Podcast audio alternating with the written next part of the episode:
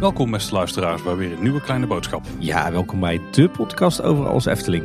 Met Tim Minsen en Paul Sprangers. Tim, we gaan weer eens een eh, top 10 lijstje maken. Ja, we doen het anders nooit hè. Nee, bijna nooit. Maar in dit geval is het wel een beetje een lijstje anders dan anders. Het is een heel specifiek lijstje eigenlijk hè. En het is een gezamenlijk lijstje. Ja. Dit doen we ook niet vaak. We gaan het hebben over de 10 mooiste plekjes in de Efteling. Maar, let op, in het donker. Ja, en dat is natuurlijk wel een criterium wat het me iets anders maakte dan onze reguliere 10 mooiste plekjes in de Efteling. Want die hebben we al eerder gemaakt. Ja, dat was een eeuwigheid geleden. Aflevering 6 van Kleine Boodschap. Zo. Daarin eh, deelden wij eh, allebei onze 10 meest favoriete plekken in de Efteling met elkaar. En toen kenden wij elkaar nog niet zo goed, Paul. Dus toen was het nog best wel verrassend. Ik denk dat we ze nu redelijk voor elkaar kunnen uitschrijven. Ja, dat gaat steeds makkelijker. Ja, maar toen was dat nog, eh, nog heel spannend. Ja, en eigenlijk hebben we zo'n beetje twee aanleidingen hoe we zijn gekomen tot dit onderwerp. Hè? Ja, we hebben ons interview met Michel den Dulk. En die eh, kon enorm mooie beelden schetsen van momenten in de Efteling eigenlijk. Op bepaalde tijdstippen.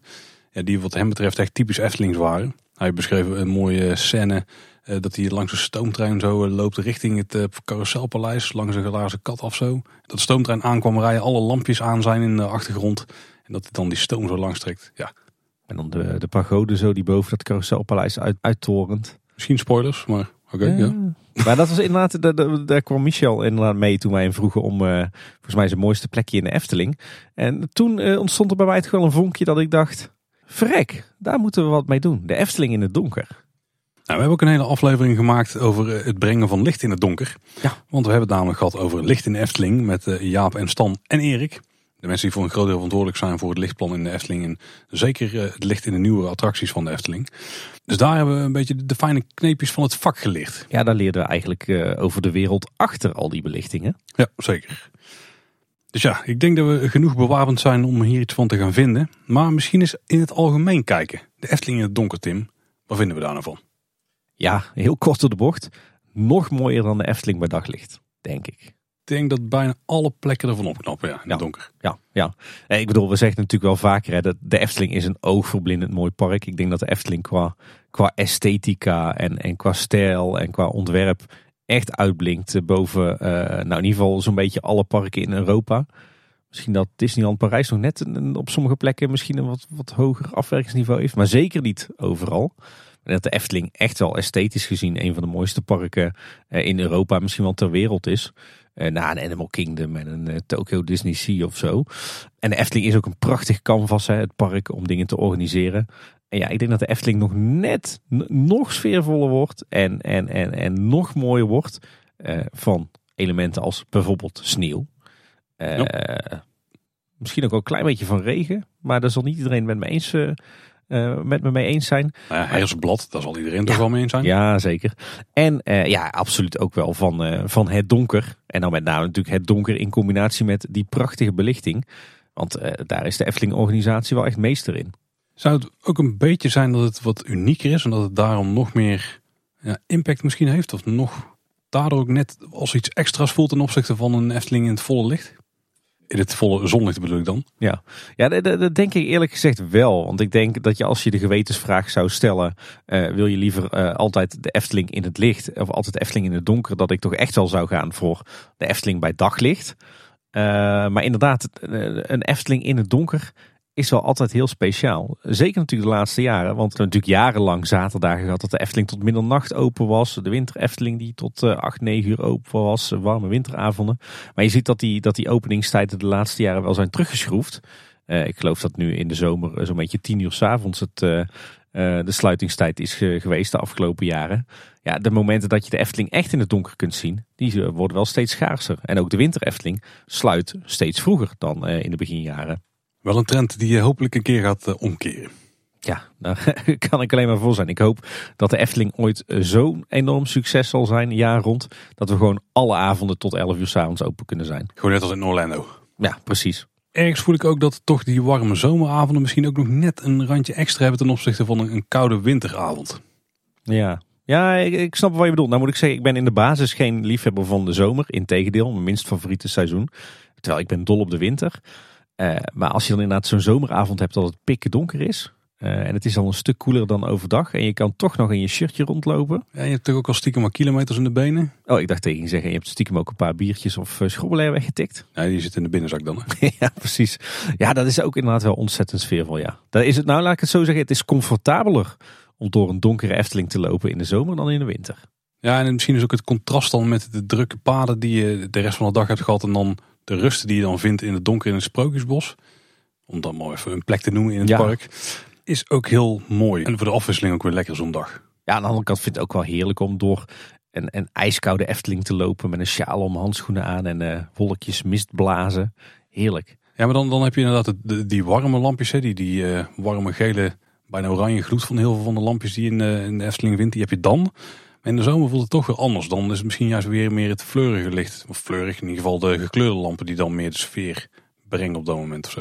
Ik moet zeggen, ik vind het wel heel erg veranderd in de, de, de 30 jaar dat ik inmiddels Efteling-liefhebber eh, ben. Hoor. Ik moet zeggen, in de beginjaren uh, was er natuurlijk bijna geen vaste, vaste verlichting in het park. Hè? Nou ja, wel de lantaarnpalen natuurlijk, maar geen uh, decorverlichting zoals het dan mooi heet. geen, geen kleurenverlichting. Werd bijna alles ieder jaar weer door flashlight opgebouwd. Uh, met een, een apart lichtplan in de zomer en een apart lichtplan in de winter. Waarbij de zomer inderdaad echt nog uh, in al die felle kleuren was. En de winter heel erg uh, in die wat, wat terughoudendere blauw en wit tinten. dat was ook ieder jaar anders. Dus iedere zomer was het weer een verrassing van... hoe hebben ze nou weer de piranha en de python en de pegasus uitgelicht... om ook maar weer een paar objecten uit de mouw te schudden. we zitten nu natuurlijk op zo'n punt dat, nou, wat zal het zijn? 70, 80 procent van de, de decorverlichting in het park vast is... Ja. En voorheen werd er nog wel eens gewerkt met, met filtertjes die werden gewisseld. Maar dat is, wordt natuurlijk ook nu steeds verder, eh, verder aangepast. Hè? Ook steeds meer richting LED. Dus de verlichting wordt wel steeds meer uh, stabieler. In de zin dat er ook steeds minder wisselingen optreden in, uh, in, in lichtkleuren. Uh, volgens mij komt het ook minder vaak voor dat er ook verschillende lichtkleuren in de zomer en de winter zijn. Dus in die zin wordt het lichtplan van de Efteling stabieler, maar ook monotoner, denk ik. Nou, volgens mij begint daar ook een verandering op te treden. Want er zijn attracties zoals de Zes Zwanen die dus ook hun uh, licht aanpassen aan de loop van de dag. En dus meer uh, zorgen voor meer, voor altijd een duidelijk contrast tussen binnen en buiten zeg maar. Maar dat is dan vooral de balans daar. Maar ja, ze kunnen met LED natuurlijk ook heel makkelijk dadelijk het lichtplan een beetje aanpassen richting de winter juist. Of richting de zomer of richting zomeravond. Dit doen ze nog niet op heel veel plekken, maar die, mogelijkheid worden, of die mogelijkheden worden steeds makkelijker natuurlijk. Ja, ja en, eh, het is natuurlijk ook hartstikke goed dat er steeds meer uh, vaste decorverlichting is. Want je ziet wel dat, dat de Efteling, zeker met, ze hebben natuurlijk een aantal lichtspecialisten in dienst. Denk aan een Stan Dingemans en Erik Brekelmans, we hebben ze natuurlijk uitgebreid gesproken. Ja, die hebben echt wel gevoel bij wat nou een Eftelings lichtplan is. Niet die zuurstokkleuren, maar juist een beetje die, die, die piekse tinten. Hè. Wat, wat, wat veel terughoudender dan je het in andere parken zou zien. Dus in die zin hoop ik alleen maar dat, dat straks 100% van de decorverlichting vast is. Uh, en als het dan ook nog eens op een bepaald moment allemaal LED is, dat we misschien toch wel weer uh, verschillende lichtprogramma's gaan zien. Ja. Tim, zullen we gaan kijken naar uh, een aantal van de mooiste plekjes in het donker in Efteling. Het zijn er tien. Het is een gezamenlijke lijst dit keer, dus we hebben hem vooraf even doorgesproken. Was nog op een paar punten wel hard strijden. Het was discussie, ja. En trouwens niet alleen wij twee, maar we hebben ook onze redactie om hulp gevraagd, hè. Ja, zeker. Dus de redactieleden ook heel erg bedankt voor jullie input. Het was best wel spannend, want er zijn natuurlijk heel veel mooie plekjes in de Efteling, ook in het donker. Maar we hebben onze tien favorieten geselecteerd. En een heleboel eervolle vermeldingen dan. Die zijn er bijna net zoveel als de lijst zelf. Maar laten we eens even door de tien mooiste plekjes heen gaan lopen. Ja, en dan beginnen we Tim, met wat mij betreft meteen een highlight. Het zijn allemaal wel highlights, maar ja, deze springt er toch wel echt uit voor mij. Het is namelijk de plekken waar je de dag start en eindigt. Het Huis van de Vijf Zintuigen. Ja, die hoort absoluut eh, in eh, deze top 10 thuis, toch? En dan echt het aanblik van het Huis van de Vijf Zintuigen. Het is ook niet voor niks dat die op, uh, op onze website gewoon prominent in beeld staat als je hem opent. Dat wilde ik al zeggen. Dat, dat moet ergens vandaan komen. Ja, maar het is, het is vooral, ja, we hebben het ook al vaker aangehaald volgens mij, maar het contrast van die warme gloed die onder ja, bijna die deken vandaan komt. Met erop het blauw uitgelichte dak met die uh, fonkelende puntjes erin. Die combinatie vind ik zo, ja, om maar even een, een uh, afgezaagde term erin te gooien, zo magisch.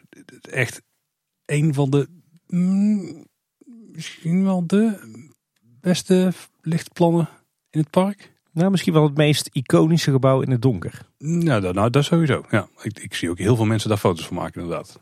Maar heb ik wel een gewetensvraag voor jou, Paul. Ja. Wat, uh, wat, wat vind je dan mooier? Vind jij dan mooier de, de oude zomerstand, waarin de rietenkap zelf niet werd aangelicht? Uh, dus je eigenlijk alleen zeg maar, de, de, de twinkels had in de rieten kap En die gele gloed onder de kap. En dan liefst natuurlijk in het blauwe uurtje. Dat je nog wel die mooie uh, koningsblauwe lucht hebt.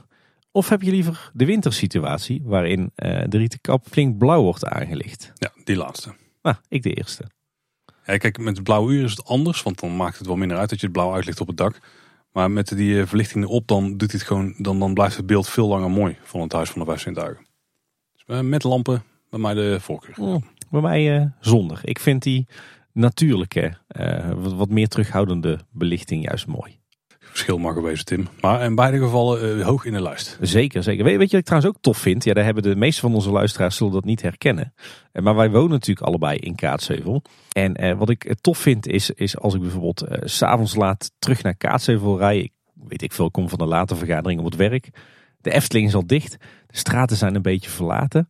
En als dan de verlichting van het Huis van de Vijf Zintuigen nog aanstaat, terwijl de rest van de Efteling donker is, ja, dan is het echt net alsof er een soort ruimteschip geland is in Kaatsheuvel. Hè?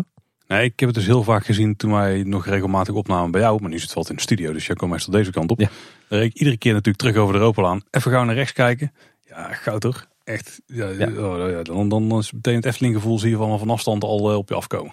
Maar zal ik iets bekennen, Paul? Dat ga je dadelijk weer doen.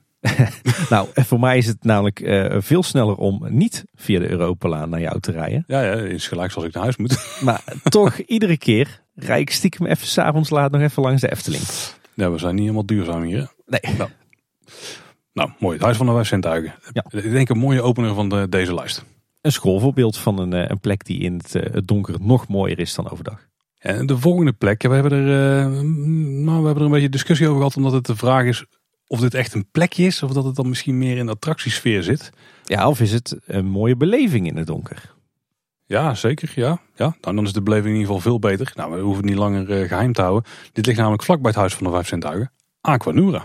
Ja, ja ik denk dat daar uh, zo'n beetje al onze luisteraars het toch wel met ons eens zullen zijn. Dat Aquanura overdag is mooi. Maar Aquanura s'avonds in het donker is toch wel subliem. Dat is hoe het hoort.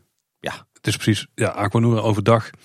Nou, je zegt het is mooi, het is leuk, het is vermakelijk. Ja. Maar inderdaad, in het donker, ja, dan, dan, dan is het show echt dan gaat hij in het kwadraat, zeg maar. Dan is hij honderd keer beter. Minstens, minstens, ja, ja, zeker. Ja, ik denk dat iedereen dat het ook wel met ons eens is. Hè. Ik bedoel, uh, we hebben ook aardig wat Eftelingers die betrokken zijn geweest bij uh, de ontwikkeling van Aquanura daarover gesproken.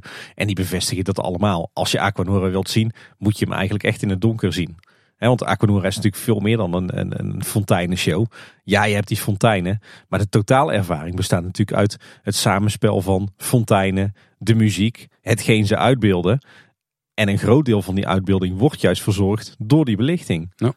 Ja, ik denk dat de beste voorbeeld daarvan nog wel um, Aquanura met de zachte G is. Ja. Want daar wordt bijvoorbeeld de Brabantse vlag aan het einde. Ja, daar werkt gewoon overdag helemaal niet. En dat is toch een vrij essentieel onderdeel van die show bijvoorbeeld. Ja. Ja, maar eigenlijk in, in alle Aquanura symfonieën wordt echt volle bak gespeeld met dat licht. Hè? De menuet in G met, met, met rood, de gouden bal die geel wordt uitgelicht.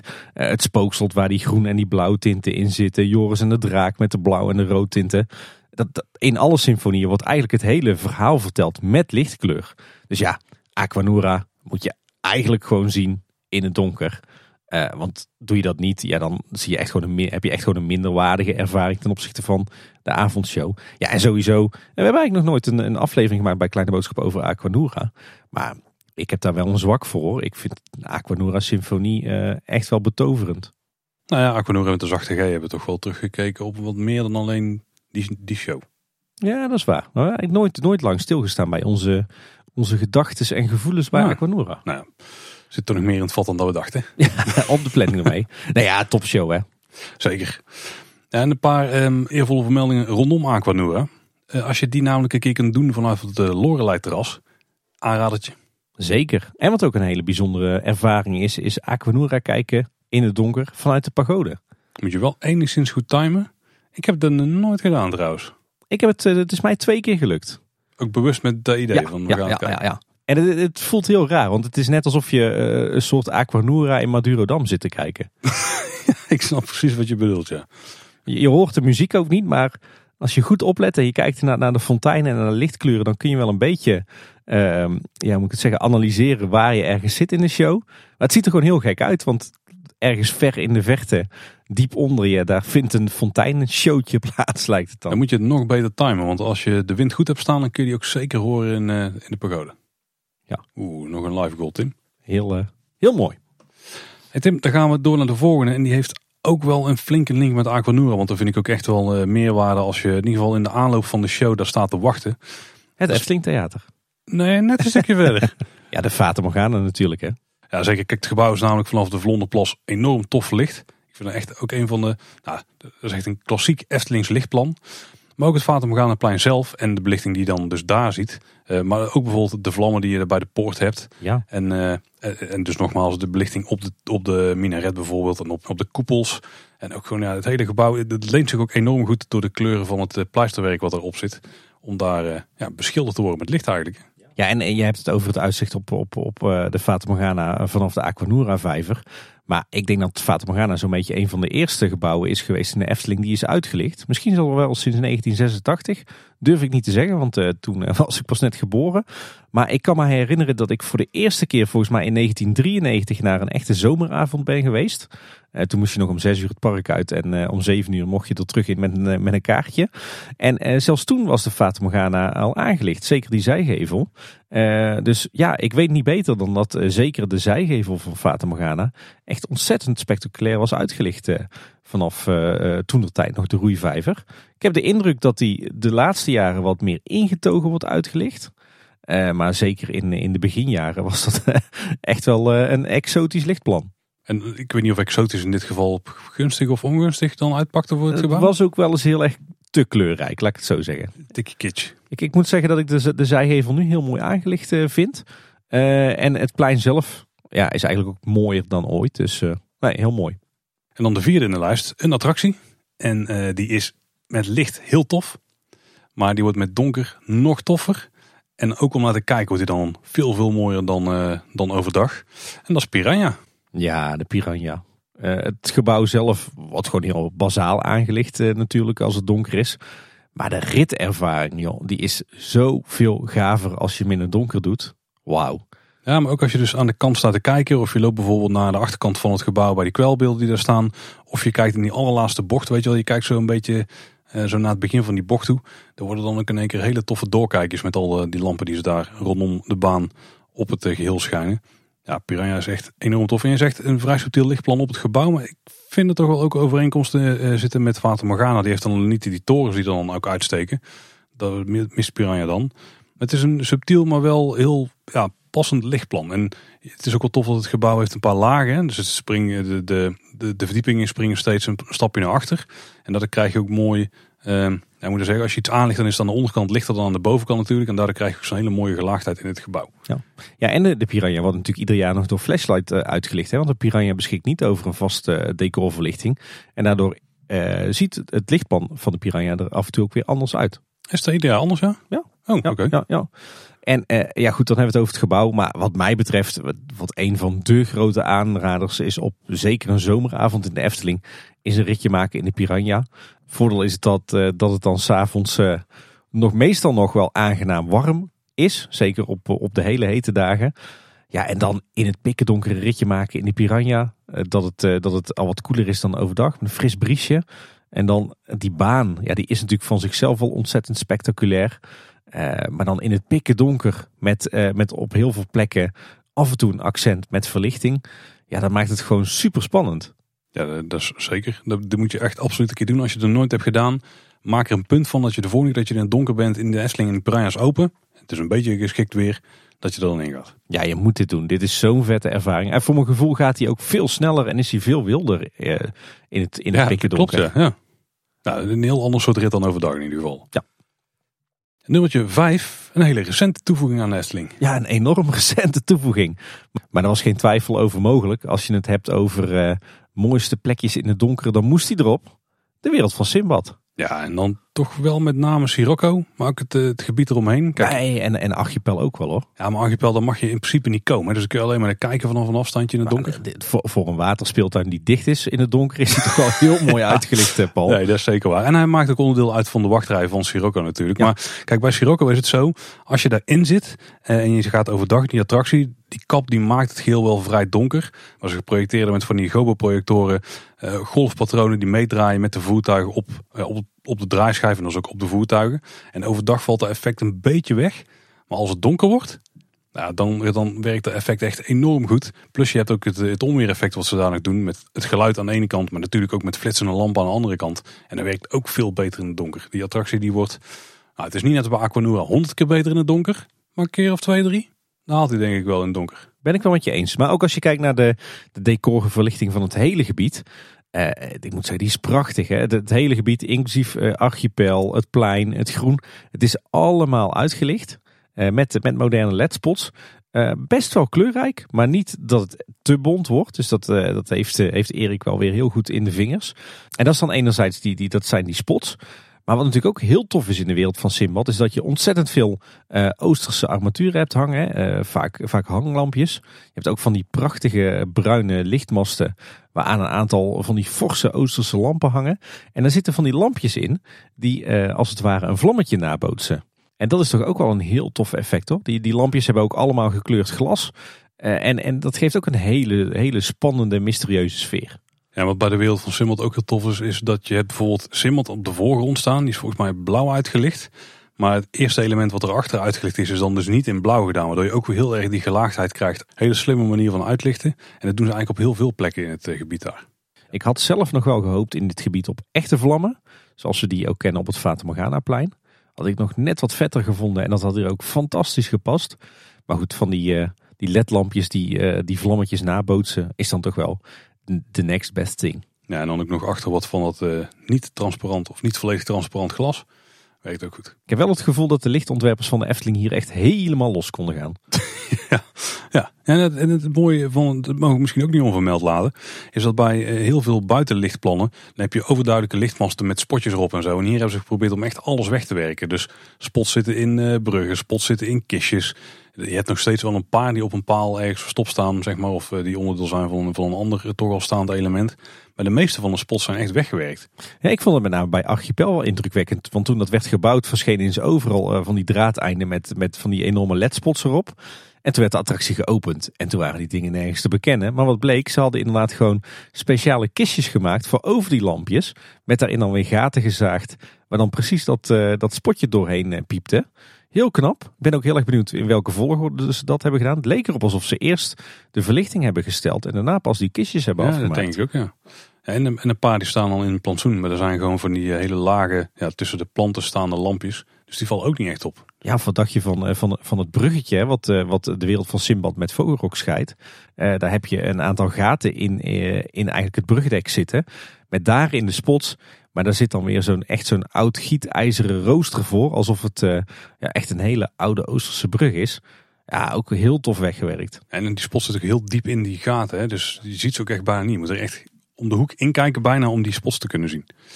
Ja, je ziet dat ze echt, echt weer geprobeerd hebben om nog weer een stapje hoger te, op de, de ladder van de belichtingstechniek te komen hier. Zeker, en zeker ook met het wegwerken. Ze een beetje de trucjes die ze bij Symbolica in de attractie hebben geprobeerd toe te passen, hebben ze hier in een buitengebied toegepast. Ja, dit, uh, dit laat ons alleen maar uitkijken naar uh, toekomstige attracties. Ja, zeker. Ja, de volgende pal is een klassiekertje. En uh, die moeten we toch, ja, die delen we eigenlijk met Michel en Dulk. ja, wat mij betreft ook een van de mooiste plaatjes in de Efteling. het aanzicht van het Carouselpaleis. En dan liefst nog met daarboven de pagode die omhoog staat. En als het dan nog sfeervoller moet, een stoomtrein die voorbij rijdt met een pluimrook en al die lampjes aan de wagonnetjes. Ja, want de stoomtrein op zich is ook echt een heel tof object in het donker. Hè? Als je bijvoorbeeld naar Aquanura kijkt vanaf de Vlonder bij het theater. En je kijkt dan zo over die plas heen en de stoomtrein komt ook nog eens voorbij met al die lampjes op die wagonnetjes. Al die kleine individuele lampjes. Heel tof. Ja, en, en wat het in dit specifieke uh, geval nog eens mooi maakt, is natuurlijk dat, dat uitzicht op die gevel, de façade van het Carouselpaleis. Uh, die natuurlijk van zichzelf al prachtig is met al die schilderingen. Maar die is dan zo heel warm geel, bijna oranje uitgelicht. En dan al die lampjes die ook nog eens verwerkt zitten in die gevel. Vroeger waren het natuurlijk echte gloeilampjes. Vele malen mooier dan de ledlampjes die er nu in zitten. Maar goed, laten we hopen dat daar ooit nog een nieuwe generatie ledlampjes in komt te zitten. Uh, en dan daar dat, dat groen achter, hè, de, het bosgebied wat erachter ligt, wat dan ook nog eens groen is uitgelicht. En om de pagode met uh, toch een beetje die feestverlichting erboven. Die nudeltentverlichting. Ja, en een heel klassiek plaatje. Je komt er volgens mij ook tegen in, in alle oude fotoboekjes. Maar nee, het blijft een, een lust voor het oog. Nou, de stoomtrein en het carouselpaleis passen natuurlijk heel goed bij elkaar. Want het zijn dezelfde soort lampjes die daar uh, rondom zitten. Ja. En heb je op de voorgrond heb je ook nog zo die, die, die ijzelstenen kolommetjes met die, met die lantaarns erop. En de pelikaanfontein die ook nog vanaf, vanuit het water uit is gelicht. Ja, ook wel dus tof. Ja, ja. Stiekem ook wel een heel, uh, heel mooi plekje in het Zeker. dit. Ja. Nou, en ook echt in de zomer een hele goede plek om even te rusten. Ga daar gewoon zitten op een bankje. Kijk gewoon op je gemak om je heen. Zorg dat je wat drinken of zo bij hebt of haal iets bij de glazen kat. En plof daar even neer. Ook wel een aanradertje. Ja, lekker bij dat geluid, dat geluid van het klaterende water van de Pelikaanfontein. Ja, heel tof. Ja, ja en niet ver daar vandaan uh, zit het Anton Pieckplein. Natuurlijk sowieso een, eh, een favoriet themagebied in de Efteling van ons beiden. Uh, maar s'avonds wordt dit ook prachtig. En wat mij betreft geldt dat zowel voor het oude klassieke deel van het Anton Pieckplein, hè, zeg maar rond de Vermolenmolen. Wat uh, nou, redelijk terughoudend is, is uitgelicht. Met wat, wat verschillende kleuren op de gebouwtjes en ook wat op het straatwerk. Uh, maar ook voor, natuurlijk voor het nieuwe gedeelte van het Anton Pieckplein. Met uh, onder meer de zweefvogels en de vlindermolen. En ook het hele complex van de Smulpaap, wat ook prachtig is uitgelicht. Ja, ja wat daar ook wel een tof detail is, is dat ze het, ja, ik noem het, het piratenmuurtje met de kraaiennest. Dat ze die een andere kleur uitlichten dan de rest van het gebouw. Volgens mij is die veel blauwer en de gebouwen zijn veel warmer uitgelicht. Waardoor je ook weer zo'n mooi contrast krijgt in die, in die lagen van het gebouw. En die heb je ook een hele mooie wisselwerking. Hè? Want je hebt inderdaad die, die, die gekleurde decorverlichting. Maar uh, zeker in de gevel van de smulpaap zitten ook nog, een, ook nog gewoon gloeilampjes verwerkt. Weet je datzelfde effect als wat je bij de, de voorgevel van het carouselpaleis hebt. En wat ik een enorm tof element vind uh, op dit, dit gedeelte van het Anton Pieckplein. En wat, wat mij betreft overal in de Efteling wel had gemogen. Zijn de echte gaslampen. Ja, ja zeker ja. ja dat is het ultiem sfeervol. Doet me ook heel erg denken aan aan uh, Main Street USA in Disneyland Parijs. Daar hebben ze ook heel veel van dat soort mooie gaslampen. Maar hier inderdaad echte authentieke gaslampen. Uh, met, met niet alleen de kousjes die gloeien, maar gewoon echt de vlammetjes die die je ziet. Zowel aan, uh, in de lampjes op de gevels als ook een aantal staande lantaarns. Ja, dat geeft zoveel sfeer. Dat brengt je echt helemaal terug naar, naar het jaar 1900. Ja, hij haalde het net aan Tim en we gaan er misschien wel snel aan voorbij. Maar wat hier inderdaad heel opvallend is, is de, het uitlichten van de verharding. Gewoon van de, de, de grond. Dat, is ook wel, is dat typisch Eftelings? Dat zullen ze op meer plekken doen, maar ook echt in kleuren. Ik denk dat dat wel echt typisch Eftelings is. Ik denk dat de Efteling daar wel echt voorloper mee was. Dat, het uitlichten van, van de, de, de pleinen en natuurlijk het uitlichten van de bomen van oh, onderaf. Ja, zeker, ja. Dat is ook iets wat, uh, wat de Efteling eigenlijk al sinds jaar en dag doet. Uh, en wat normaal gesproken nergens gebruikelijk was. Maar ja, wat je toch ste op steeds meer plekken ziet. Maar dat is echt een Eftelingse vondst. Het Antropiekplein, dat, dat is ook wel een van de plekken die als eerste bij me opkomt als we het daarover hebben. Er is nog een plek, die heeft deze lijst net niet gehad. Die komt daar bij de eervolle vermeldingen. Maar eh, ja, dat is wat typisch Eftelings ook, ja. ja. Nou, weet je wat trouwens ook mooi is? Het Antropiekplein in de winter. Uh, als je dan een kampvuurtje hebt daar en die lampionnetjes hangen in de boom. Die lampionnetjes zitten natuurlijk ook verlichting in. Ja, de kampvuur helpt ook heel erg, ja. Ja, ja, ja schitterend. Ja. Nou, we gaan niet ver weg. Het hangt een beetje aan elkaar van... Uh, het is bijna een route door het park die je kunt lopen als ik nu. Maar het Lavelaar, daar vlak naast. Die heeft ook, uh, ja, de grondverlichting heeft hij daar ook. Of de, noem ja, ja. de verhardingverlichting. Ja, de pleinverlichting geeft, eh, pleinverlichting, geeft een beestje een naam. Ja. Geef, geef een beestje een naampje. Ja, het Lavelaar. Wat er eigenlijk bijzonder is, is het Lavelaar is eigenlijk altijd open. Hè, eh, op zomeravonden in de winter. Maar toch heeft het Lavelaar nog steeds geen vaste decorverlichting. Die wordt nog steeds door flashlight weggezet. daarna misschien ook iets kleurrijker dan, dan wat je gewend bent in de Efteling. Maar op de een of andere manier kan het Lavelaar dat wel hebben, voor mijn gevoel. Ja, past ook wel een beetje denk ik bij de jolige daar van het volkje wat er uh, leeft. Al die huisjes zijn natuurlijk individueel uitgelicht, maar ook hier is het groen heel tof uitgelicht altijd. Ja. Met inderdaad die omhoog gerichte uh, lampen. En het is ook heel tof om dan met de monorail erheen te gaan. Want als je dan ook van iets hoger uh, standpunt over het lavelaar uit kunt kijken. En dan ziet hoe al die individuele elementen verlicht zijn. Ja, dat is ook echt een hele toffe ervaring in het donker. Ja, want hier ook weer meedoet is natuurlijk het, het gedeelte van de verlichting wat wel vast is. Hè. De, denk aan de, de lampjes in de showtjes. En maar ook de vele uh, uh, hanglampjes die je aan, uh, aan de gebouwtjes hebt hangen. Of die je aan de poorten hebt hangen. daar sta je niet zozeer bij stil. Maar ik heb wel eens meegemaakt dat je door een donkere lavelaar loopt met de decorverlichting nog aan. En dat dan rond, rond middernacht, toen we nog zomeravonden hadden tot middernacht. Dat de decorverlichting al werd uitgezet. Dat mhm. je dan nog even kon rondlopen door een lavelaar met alleen maar die basisverlichting. En dat was stukken minder kleurrijk natuurlijk. Maar dat had toch ook wel iets mysterieus en iets spannends hoor. Zeker uh, al dat licht wat dan achter de raampjes van de showtjes vandaan kwam. Echt heel sfeervol. Het is wel interessant, het creepy stukje. Ja, daar merk je ook wel meer plekken in de Efteling als het donker wordt. Want sommige paden zijn niet uitbundig verlicht om het maar licht uit te drukken. En dan, uh, dan krijg je dat sfeertje wel op meer plekken. Ja, dat kan de Efteling wel echt hebben. Hè? We hebben dat ook al wel eens gezegd uh, in een, een aflevering waarin we probeerden te bepalen wat nou echt typisch Eftelings is. En dan kwam dat donkere, dat duistere, dat zwarte randje kwam daar ook al wel in naar, naar boven. Dus de Efteling kan dat wel hebben. Ja, maar dan gebeurt het ook op plekken waar het niet per se overdag ook die sfeer heeft. Dan is het juist doordat het zo donker wordt gehouden, krijg je het sfeertje op nog meer plekken. En dan de, de volgende Tim, de ene en laatste in uh, de top 10 in ieder geval. Of de top 10, de, de 10 plekken. Eentje die we nou, zwaar bevocht in de top 10 is terechtgekomen.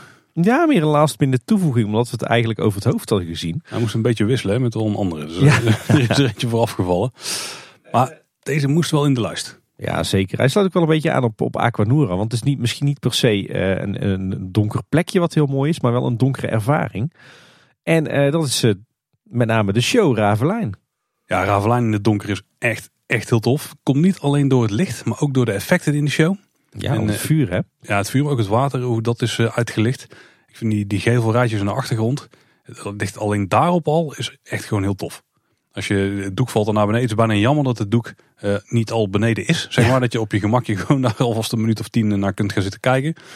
Dat is echt heel vet. Ja, en als dan de show begint, natuurlijk een show, daar hoort licht bij. Maar vooral als de koning komt, tevoorschijn komt en die gaat vuur spuwen. En daar, vooral het contrast dan ook dus weer met de achtergrond die dan iets blauwer is uitgelicht. Vooral de centrale toren met die uh, rood-gele vlammen. Ja, is echt een hele mooie combinatie, heel vet. Ja, ja sowieso. Hè. Er zijn natuurlijk best wel wat, wat, wat Efteling-liefhebbers die de show Ravelijn nou niet bepaald kunnen waarderen.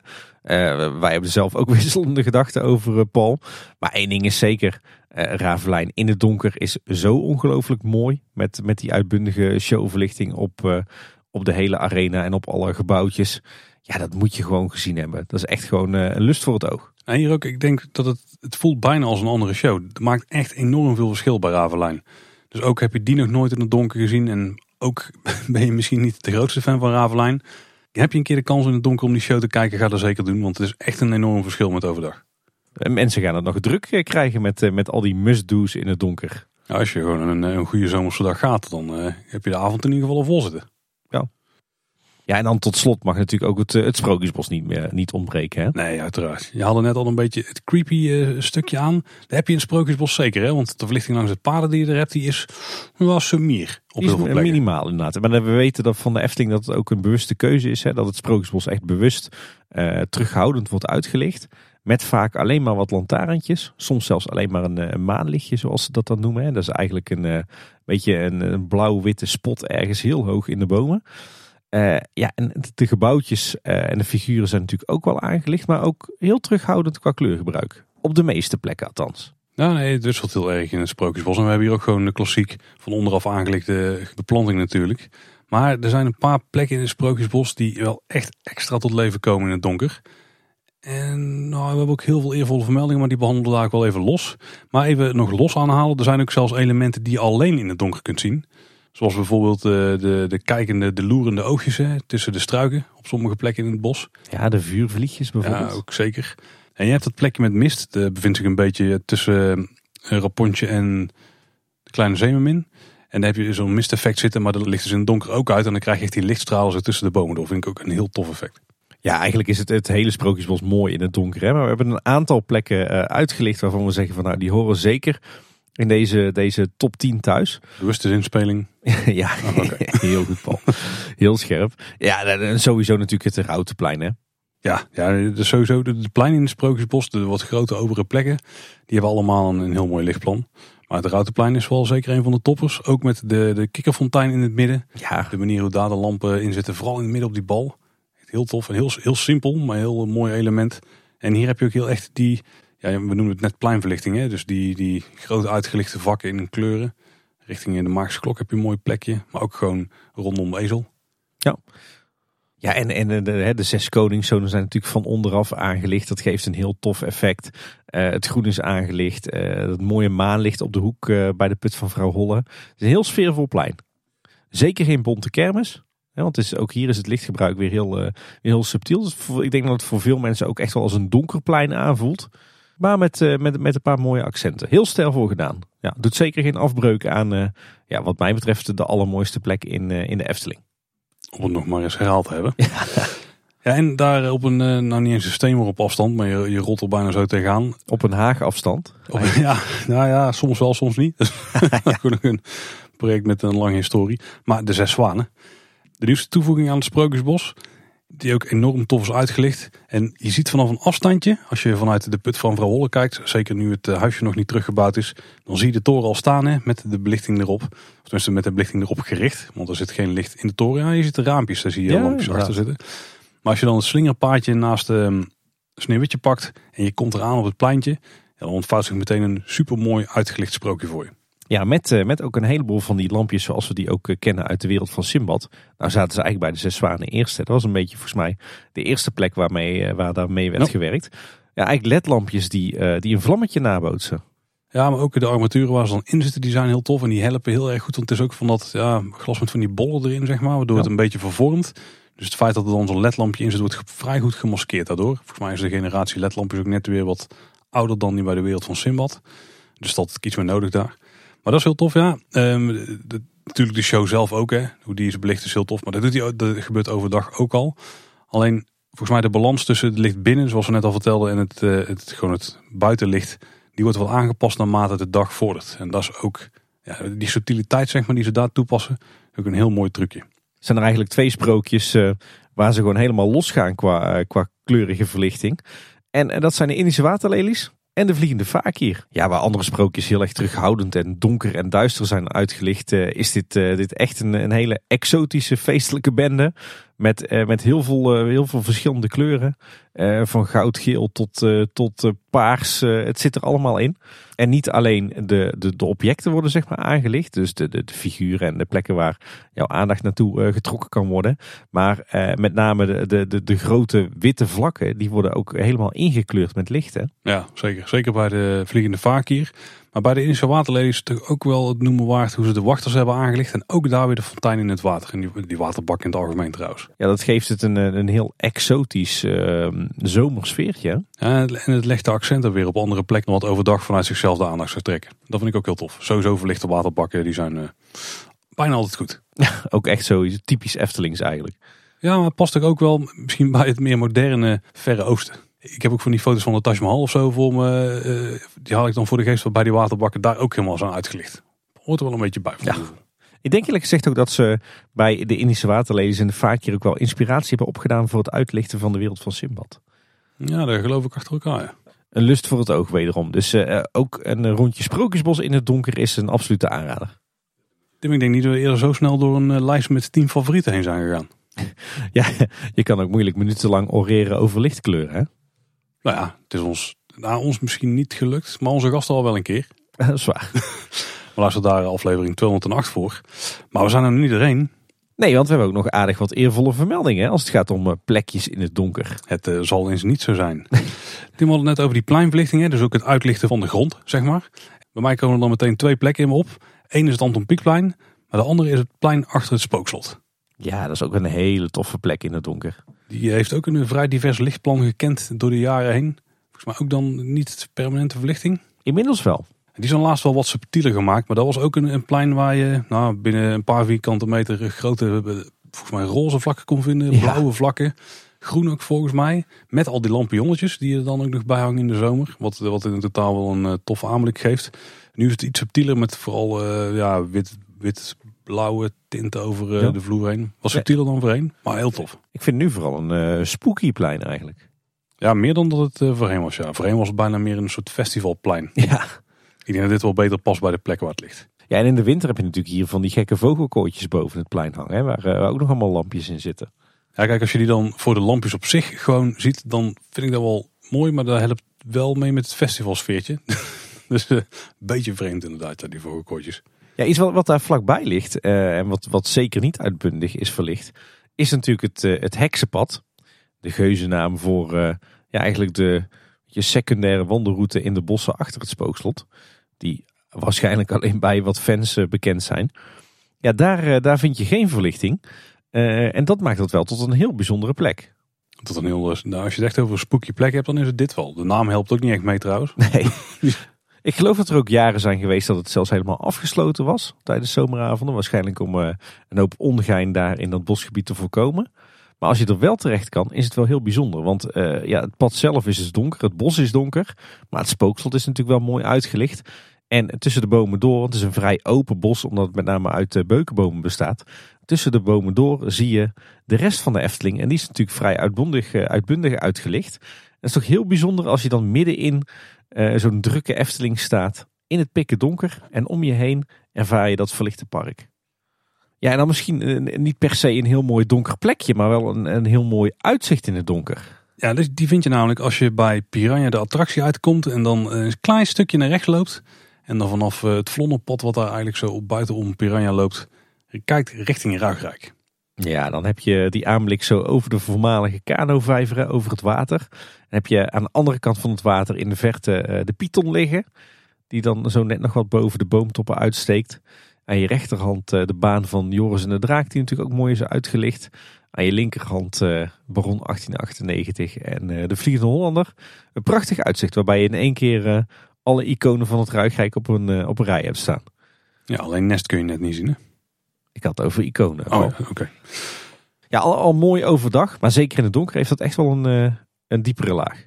En eentje die ik, ik, ik, ik, weet niet wat ik er zo goed van moet vinden, maar hij is denk ik wel de moeite noemen waard. En dat is uh, Baron 1898. Ik moet zeggen, de toren zelf die is vrij laf uitgelicht. Hè. Daar staat een heel flauwe blauwe spot op. Tenminste, die moet waarschijnlijk wat krachtiger zijn om echt vol in het licht te zetten. Maar dit is uh, vrij bewust met iets meer licht op die, die wielen die draaien.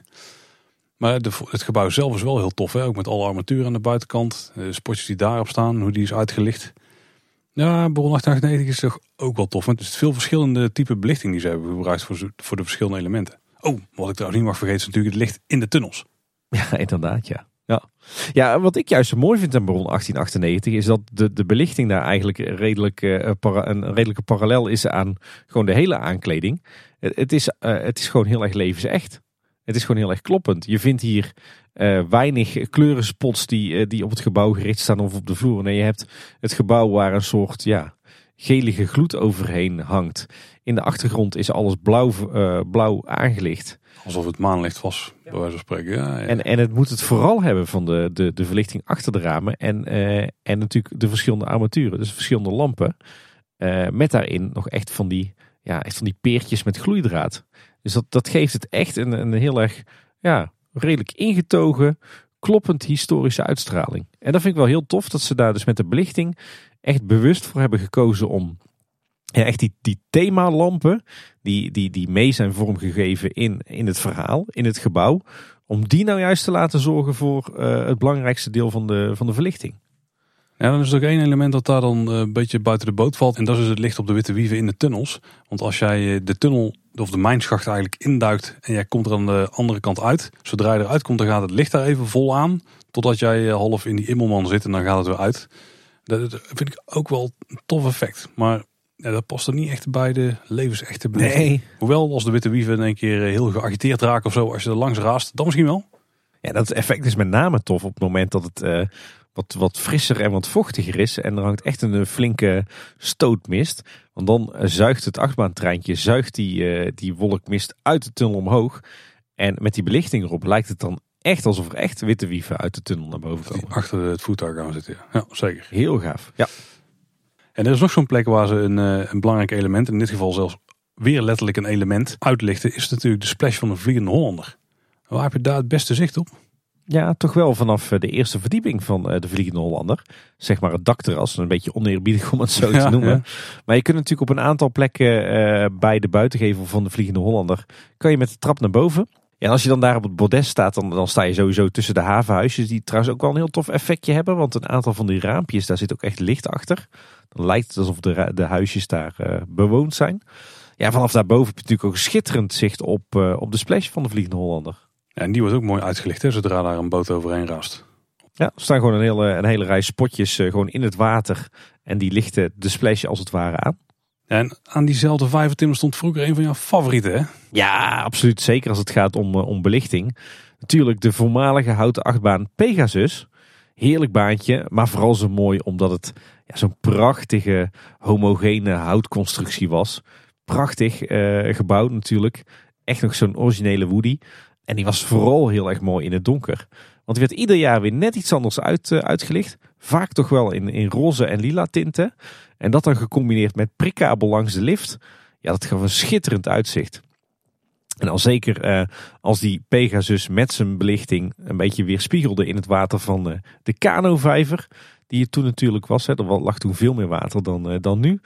Ja, dat was echt een plaatje voor het oog. En dat kon je vooral heel goed zien aan het einde van, van de loopbrug. Waar je overheen moest als je uit de Pegasus kwam. En dan kwam je uit bij het horecapunt De Kurkentrekker.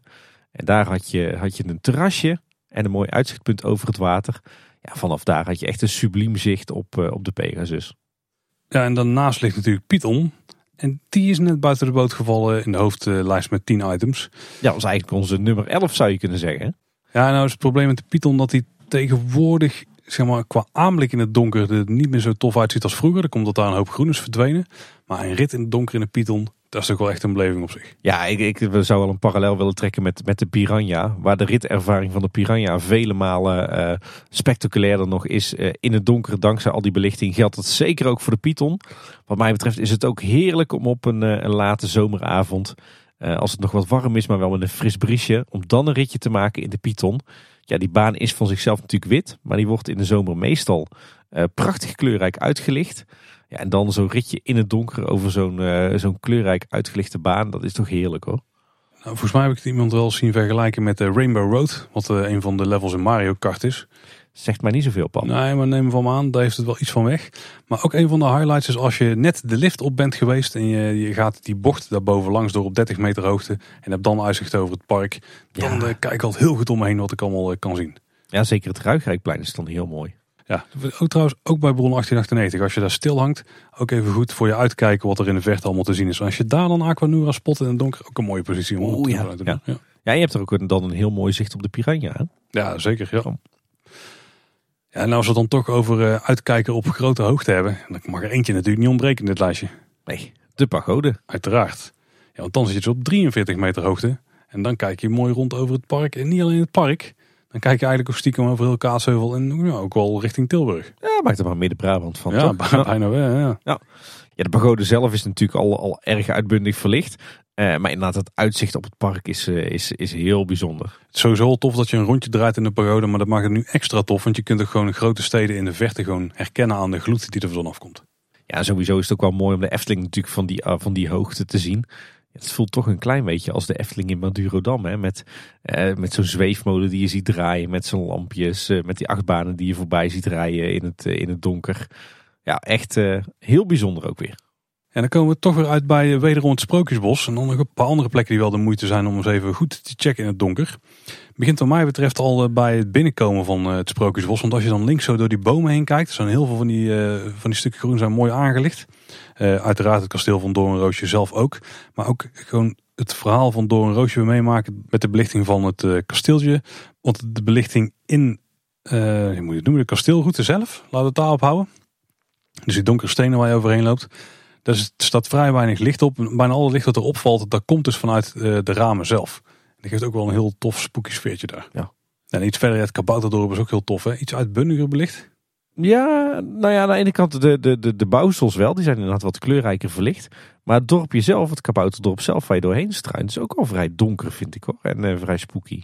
Ja, wat er ook heel tof is, is om de palstoel in te gaan. Hè? Dus het huis van de schrijfkabouter. En dan, weet je wel, het klassiek uit het raampje hangen. Maar dat is op dat moment wel heel tof. En zeker als je aan de achterkant eruit loopt en dan even goed rondkijkt over het pleintje waar je aan staat. Dat is ook een, een mooi momentje in het donker. Ja, een plek die ik heel mooi vind in het donker in het Sprookjesbos is toch wel uh, uh, de omgeving van Langnek. Langnek zelf staat natuurlijk vol in het licht. Maar je hebt ook nog dat pleintje met, met kogeloog. En uh, dat is allemaal redelijk uh, terughoudend verlicht. Maar op de een of andere manier hangt het toch een heel tof sfeertje. Omdat je daar echt ja, zo'n zo'n open plek in het bos hebt. Ja, zeker. En als we een heel stuk verder lopen, dan komen we bij de Trollenkoning. Ook die is heel tof verlicht. Ook met uh, verschillende kleuren. Ook die boom in een andere kleur uitgelicht dan de warme gloed die daar uit de boomstam zelf komt. Een beetje het huis van de vijf zintuigen in het, in het klein. Ze hebben daar dezelfde kleurcombinatie gebruikt voor, voor het uitlichten daar. Ja, wat ik ook nog wel een heel toffe plek vind in het donker, is Draak Licht geraakt. Natuurlijk op zichzelf al een heel spannend sprookje. Maar zeker in het donker is het daar heel spooky. Is ook weer vrij donker uitgelicht. Maar daardoor natuurlijk wel, wel heel tof. Want het past natuurlijk prima bij, bij zo'n duister karakter als de draak. En wat daar tof is, is dat er wat oogjes in de bossen verstopt zitten. Die het s'avonds doen. En natuurlijk dat de, de, de juwelen in de schatkist, dat die meefonkelen. Ja, ja, ook een goeie. Ja, dan moet het, uh, het sprookjesbos een heel in doorlopen en dan komen we bij het meisje met de zwavelstokjes. Dat is weer een vrij spooky stukje sprookjesbos, hè? Ja, dat is natuurlijk echt een, een door en door pieks ontwerp. En ik denk ook op een hele, ja, bijna piekse manier uitgelicht, hè? Gewoon heel, heel basic. Ik denk dat er gewoon witte verlichting op staat. Ja, ook een tintje blauw zit erin volgens mij.